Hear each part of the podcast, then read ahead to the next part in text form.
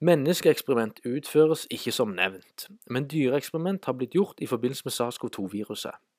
Det ble i den forbindelsen brukt ei gruppe mus som ble injisert med en forurensa prøve, som vil si snørr eller slim fra sykt individ med symptomer på covid-19, og ingen effekt ble observert i tida etterpå.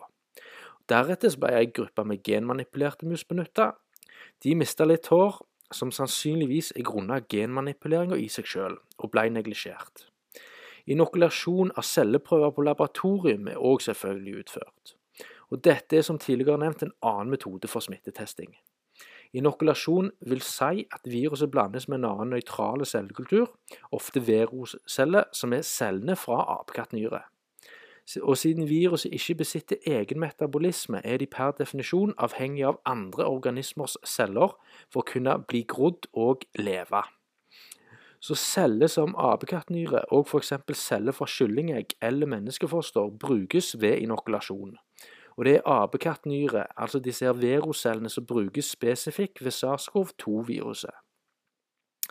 Og når det er sagt, under smittetestinga så ble kun negativ effekt, altså celledød, observert når antibiotika som gentamisin og ampoteresin ble påført cellekulturen, bestående av slim, spytt ja, etc., kall det hva du vil, som da inneholder viruset, og denne selvkulturen for apekattnyrene. Ampoteresin det er soppdrepende, mens gentamisin er bakteriedrepende. Og Jeg skal forklare nå litt mer utdypende i forbindelse med smitteeksperimentet. Og Merk at det er dette som er det såkalte vitenskapelige, offisielle beviset for at viruset er årsak til sykdommen. Og Det starter med at lungevæske, snørr, slim etc. fra syk person blandes med veroceller, altså disse apekattnyrecellene. Denne blandinga bestående av gud vet hva, for den er ikke isolert.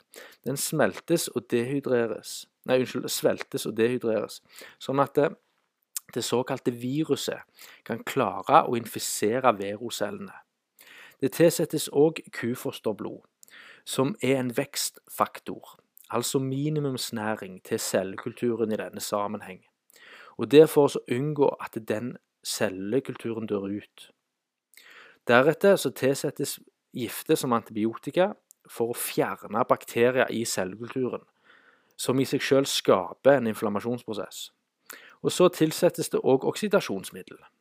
Så kort sagt med andre ord, forurensninger og gifter blandes til en frankensteinsuppe, som så godgjør seg i x antall timer døgn, og i etterkant observeres det at cellekulturen dør ut, og det florerer av såkalte virus.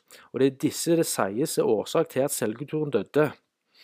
For å si det sånn, når begynte han å legge skylden over på bakterier hvis han finner et kadaver av en hjort ute i naturen, bare fordi det kryr av bakterier på det kadaveret?